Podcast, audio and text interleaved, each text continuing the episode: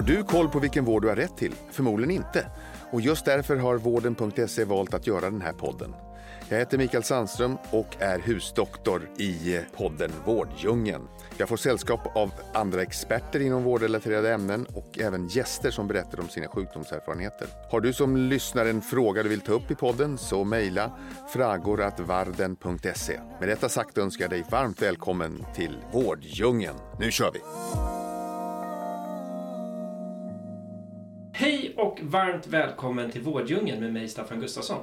Lyssnar du på det här avsnittet idag eh, när det släpps vill jag börja med att önska alla en riktigt glad Lucia. Vi har nämligen kommit fram till den 13 december och går med stormsteg mot julen och förhoppningsvis lite välbehövd ledighet med andra trevligheter. Och nästa vecka då kommer ju vår husdoktor Mikael Sandström och det blir också det sista avsnittet för den här säsongen. Efter det så tar vi på podden ett fyra veckors långt uppehåll och är tillbaka den 23 januari.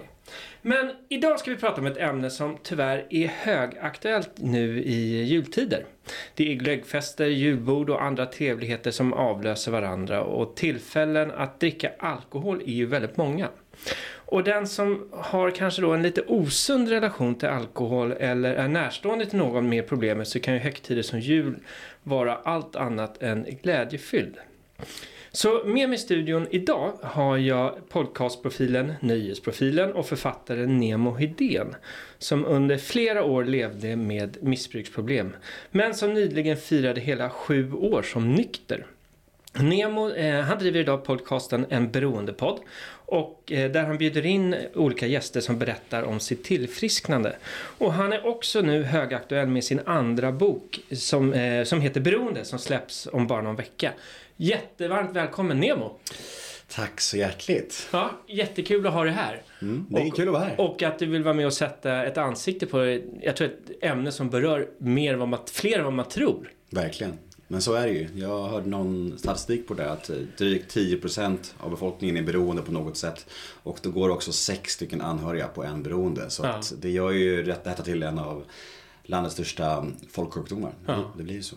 Och väldigt många som kanske har problem men kanske inte vågar inse det. Nej, mörkertal, mörkertalet är ju definitivt större. Ja. Så det är ju ex, extremt. Så ju. Men du, jag sa ju jag hade ganska långt intro, men jag berättade att du har ju ett problem, eller ett förflutet med problem eh, med olika typer av missbruk. Och kan du bara liksom kort, hur hamnar du i den sitsen?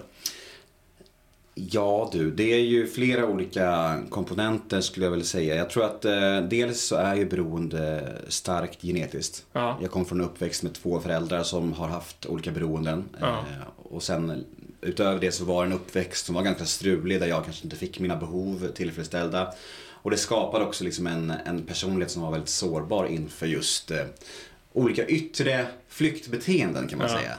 Är det Eh, så här verklighetsflykt typ eller? Ja men, men allt jag kunde kicka på på något sätt. Ja. Alltså, och jag har ju alltid känt att något har varit struligt på min insida på något sätt. Ja. Ett slags inre tomrum och ett ohanterligt känsloliv.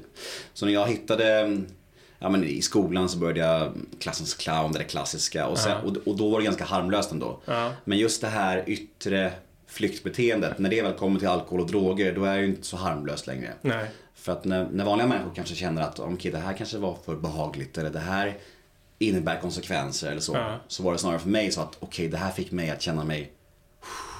Det var som en ångestdämpare. Det var, liksom... jag, jag inbillade mig att det var som vanliga människor kände hela tiden. Aha. Att det var som att jag hade en pusselbit som liksom fyllde upp mig och gjorde Ja. mig hel när jag söp och knarkade på något sätt. Ja. Och därför blev det också väldigt svårt för mig att sluta med det. För det var ju liksom så här, jag hade hittat någonting som fick mig att känna mig hel. Mm.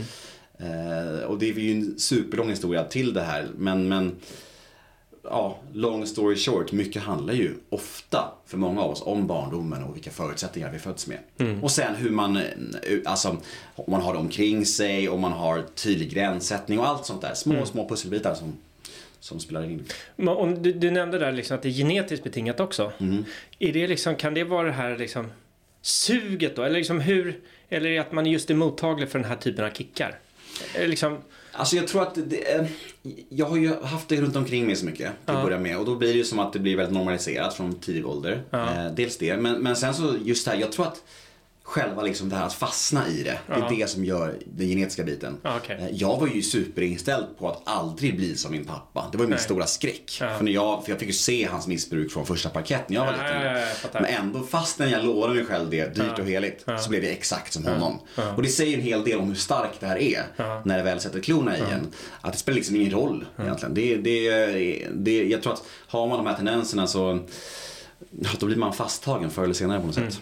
Och det gäller ju många andra saker också. Man blir oftast som sina föräldrar. Eller man präglas så mycket av sin barndom. Så är det. Ja. Väldigt mycket. Men du, vad var det som blev vändpunkten? Som det är liksom turning point i ditt liv, skulle du säga? Var det någon speciell händelse eller kom det smygande? Eller var det vänner och familj? Eller vad, vad var det som blev vändpunkten? Jag tror att min vändpunkt var när jag förstod någonstans att det här faktiskt var en sjukdom och att det, det liksom det finns en väg ur det på något sätt. Det var, för då kunde jag vända på det lite grann och, och känna att okej, jag är inte bara en jävla hopplös fuck-up som bara förstör allt. Jag kan faktiskt förändra mitt liv och jag kan leva ett annat liv. Det blev som en slags Ja, först och främst en ganska jobbig separationsångest från alkoholen och drogerna. För det var ju hela mitt liv liksom. Men sen efter det så blev det också så här att, en liten lättnad. Att, ja men okej, nu det finns ju en väg ur det här. Man kan leva nykter. Jag har sett andra göra det. Och då blev det som att, ja men den insikten i att det liksom så här, det var en sjukdom, det finns en lösning och jag kan, jag kan ta mig ur det. Det gjorde att jag liksom så här öppnade ögonen för det på något sätt. Och, då, och det var ju den samma veva som jag var på behandlingshem och fick insikter och kunskap om hela problematiken och sjukdomen liksom. För innan var det bara så här. Ja, det handlar om viljestyrka. Mm, det handlar om dålig karaktär. Alla de här grejerna som många intalar sig. Så här, och och det är ju våra vanligaste ursäkter. Åh, nu hamnar jag här igen och jag har ingen viljestyrka. Ja, fast det, det kan ju faktiskt vara så att du faktiskt lider av en sjukdom. Och då handlar inte det så mycket om viljestyrka längre. Ja, då tar man bort skambiten kanske? Eller? Ja, man tar bort ansvaret lite grann också Ja. känner jag. Där, om man säger så här, om jag liksom, vi säger att jag, eh, ja men jag vet inte, jag tror att det, jag tror att man kan, när man, när man, när man fattar att det är en sjukdom och när man får liksom kunskap om det, då kan man också börja ta ansvar för det själv. Ja. Man kan ta över, för då, för då bestämmer jag själv på något sätt. Innan är man ju bara ett offer för, ja men alltså, man fattar ingenting. Och jag var mina, mina, föräldrars fel, det är alla andras fel, allt är bara kaos. Eh, men när man liksom börjar förstå de bitarna, då kan man också börja vända på det. Men det låter lite som nyckeln där i ditt tillfrisknande eller liksom att vara eh, nykter. Det måste ju vara, nej, men som du säger själv, att du själv vill det. Ingen, Verkligen. ingen kan säga åt dig att vara det, du måste vilja själv. Nej, Någonstans. så var det ju. Och det, det var ju många interventions och allt sånt där innan och där jag liksom bara Fuck you, vad fan, Mm. det här är mitt liv. Jag förstör ju bara för, bara för mig själv.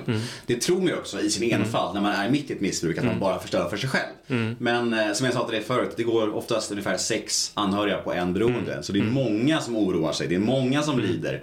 Och det, de är ju också oskyldiga, det är det som är så hemskt. Mm. Ja, absolut. Det är vidrigt. Och det Man brukar ju nämna så här medberoende Nej, nästan men exakt, också. ja, men ofta, folk blir det oftast. Och, och det förstod jag en bit in i mitt tillfrisknande att liksom så här, fan vad många som har lidit på grund av mig.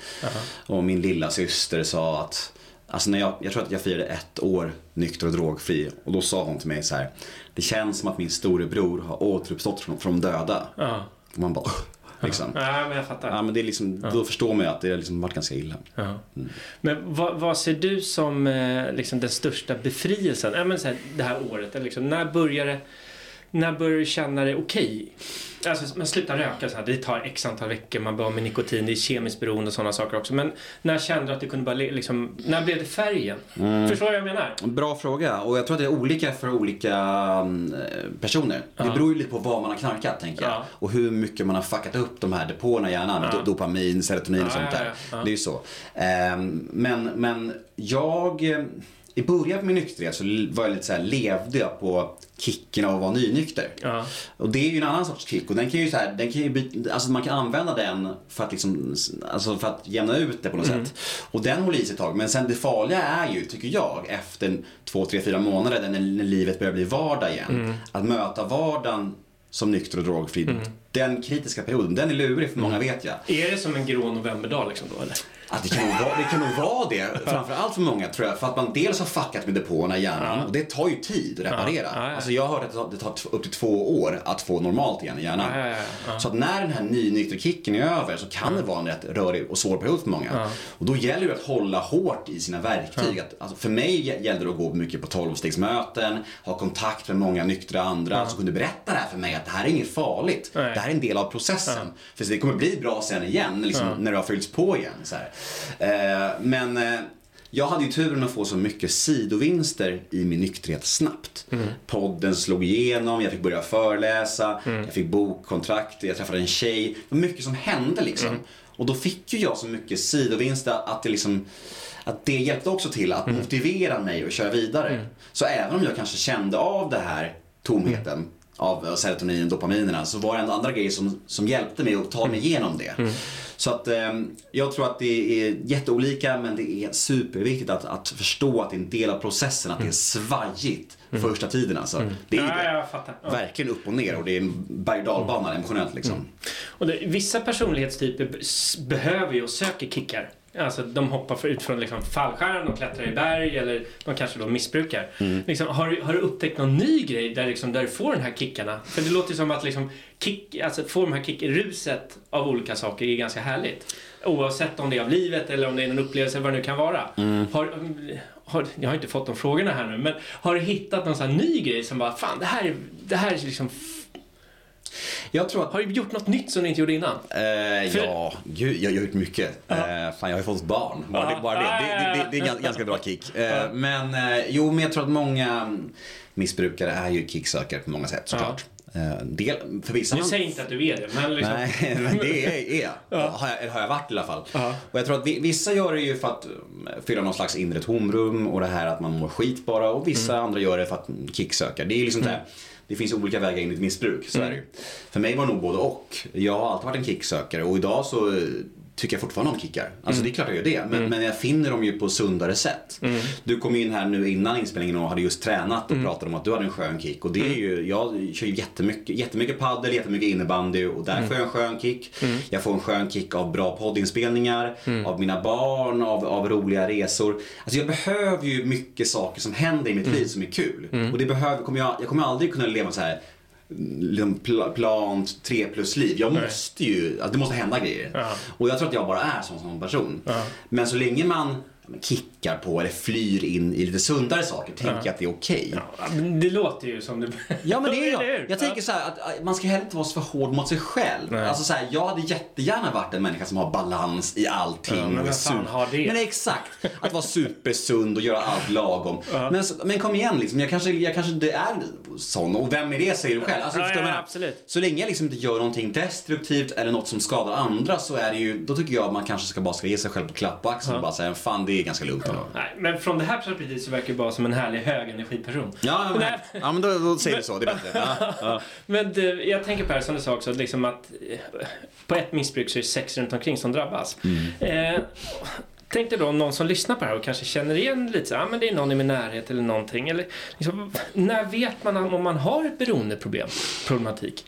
Ja, det är en bra fråga. Men jag tänker så här att när någonting börjar ge konsekvenser så är det ett problem. Det är en ganska enkel måttstock. Att när mitt drickande börjar gå ut över mig själv, över min omgivning, så är det ju ett problem. Att man ljuger kanske, eller sårar någon, sviker någon, skadar någon på något sätt. Eller man gör saker man inte vill göra och man lovar saker. Alltså de där klassgrejerna. För jag tror att en vanlig människa som har en sund relation till alkohol, eller droger om man nu kan ha det, jag vet inte. Den får inte konsekvenser. Nej. För då, då, har- då, då har man ju saker under kontroll liksom.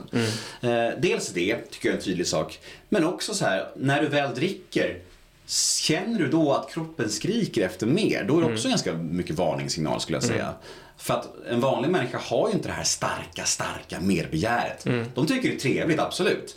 Men eh, ett bra exempel är på när jag och min syster Alltså back in the days då. Ja, ja. Om, hon föreslår så här, "Ja, men ska vi gå ut och ta en, en bärs? Jag är lite törstig på öl. Jag bara, "Ja, det kan vi göra. Så Jag, jag är inte så sugen. Men när vi väl går ut så dricker hon två, två öl och hennes törst släcks ju. För att hon var sugen på öl. Jag var knappt sugen innan, men när jag får två öl i mig då är det som att något bara öppnas. Ja. Och jag bara, nej nu kör vi. Ja. Två, tre dagar liksom, in i kaklet. Ja. Ja, så det, är, det är ju skillnad på en beroende och en icke-beroende. Ja, ja, jag fattar. Eh, så att, Det, så det väckte liksom djävulen i på Ja men precis, det är ett merbegär som är svår att hantera liksom. Så att jag tänker, om man känner igen sig i det, då, har man nog, då ska man nog vara försiktig. Och, och, och som medberoende anhörig, jag tänker så här att det är aldrig fel att uttrycka oro för någon. Nej. Om man gör det på rätt sätt. Alltså så här, ja, sätt, oro i omtanke. exakt, sätt kärleksfulla gränser. Ja. Och sen så, det är ju helt upp till personen hur, den personen tar det. Och det är oftast reaktionen från den som säger en hel del också. Mm. Men du, hur är det för dig idag då? Liksom, du, du är ju i sammanhang där det är liksom eh, fest och det är alkohol och det kanske till och med droger idag också. Mm, det, jag? det har hänt. Ja. Ja, Mm. Men liksom, hur är det för dig idag att vara i de miljöerna?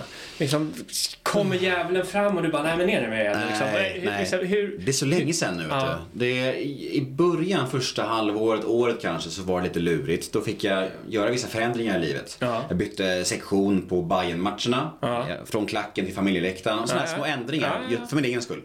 Men idag, alltså, så om jag går ut på en restaurang eller en bar, det är, liksom, det är en icke-fråga bara. Det, det rör mig inte i ryggen. Härligt att höra. Ja, men jag tror att det handlar också om hur mycket man jobbar med sig själv och jobbar med sitt tillfrisknande. Mm. Och, och, sen så tänker jag också att jag, jag, jag rör mig inte så mycket i sådana miljöer. Mm. Alltså helt ärligt. Alltså, så här, det händer ju men, men det är extremt sällan jag är runt fylla.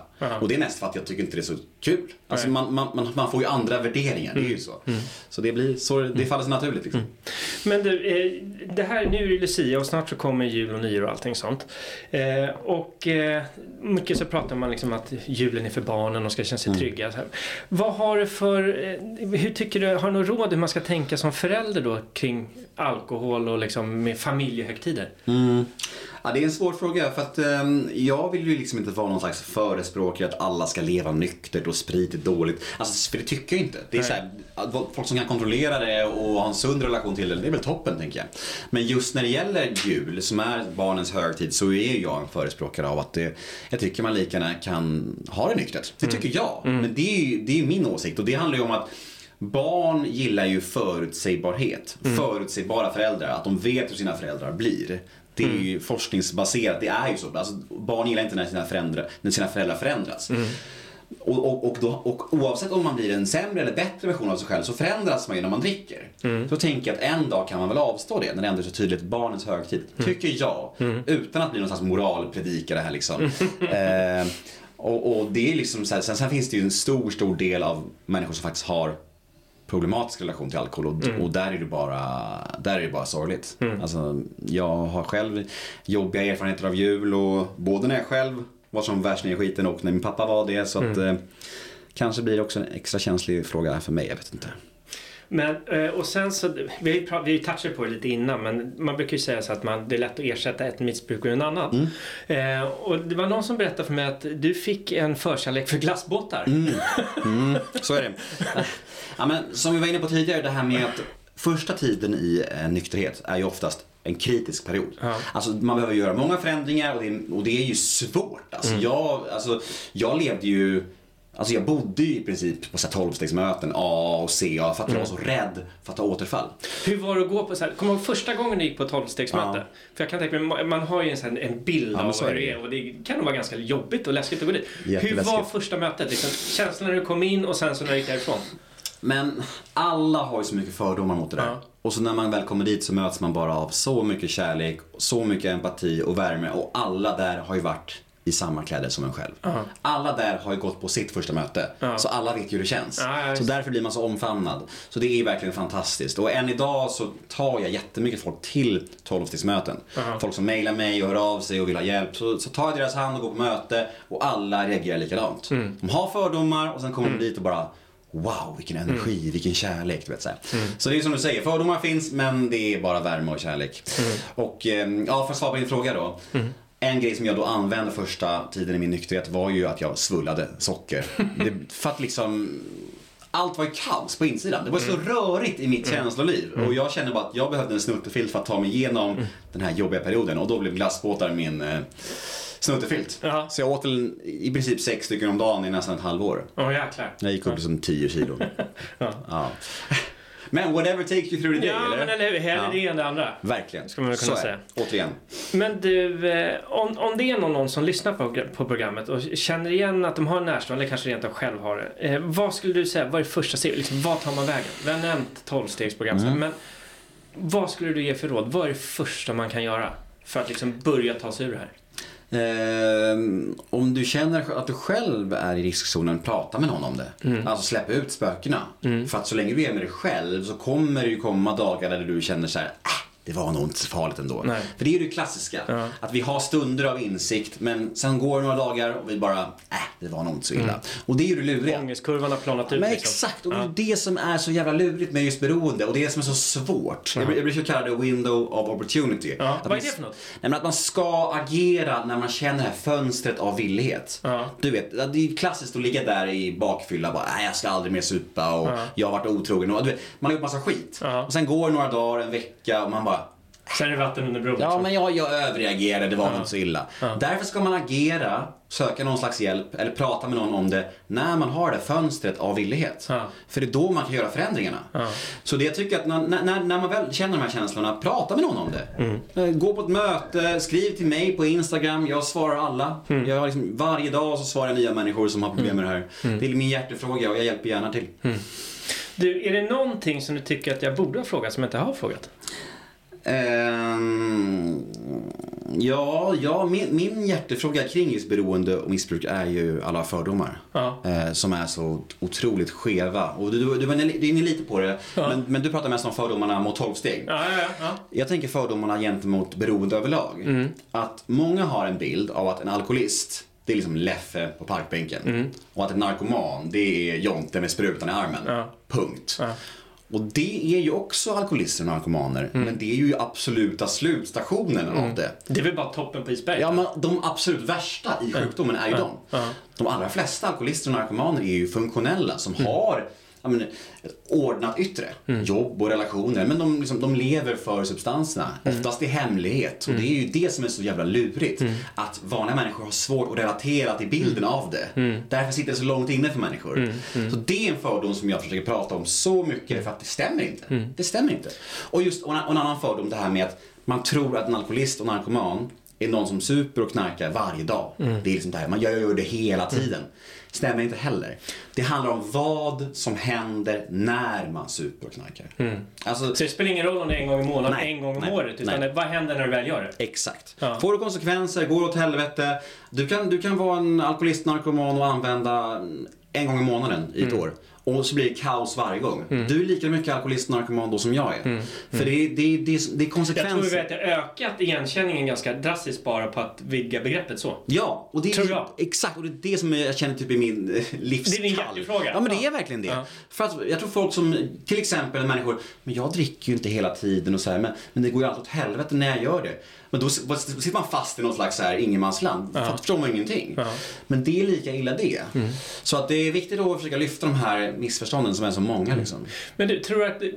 Ponera att det har varit en sån person som det klampar igenom och liksom, ja, men det, det skiter sig varje, varje gång oavsett om det är en gång om året eller vad det nu är. Men tror du att, att det går att leva och ha en sund relation till exempel alkohol? Liksom, eller är det, är det liksom... Hur mycket man än försöker och vill så är det, liksom, är det binärt, liksom av eller på? Eller går det att leva med det? Det Förstår är, du jag, jag förstår frågan och eh, Skulle du kunna leva med nej, jag tror så ta ett glas vin på fredagen, sen är du nöjd?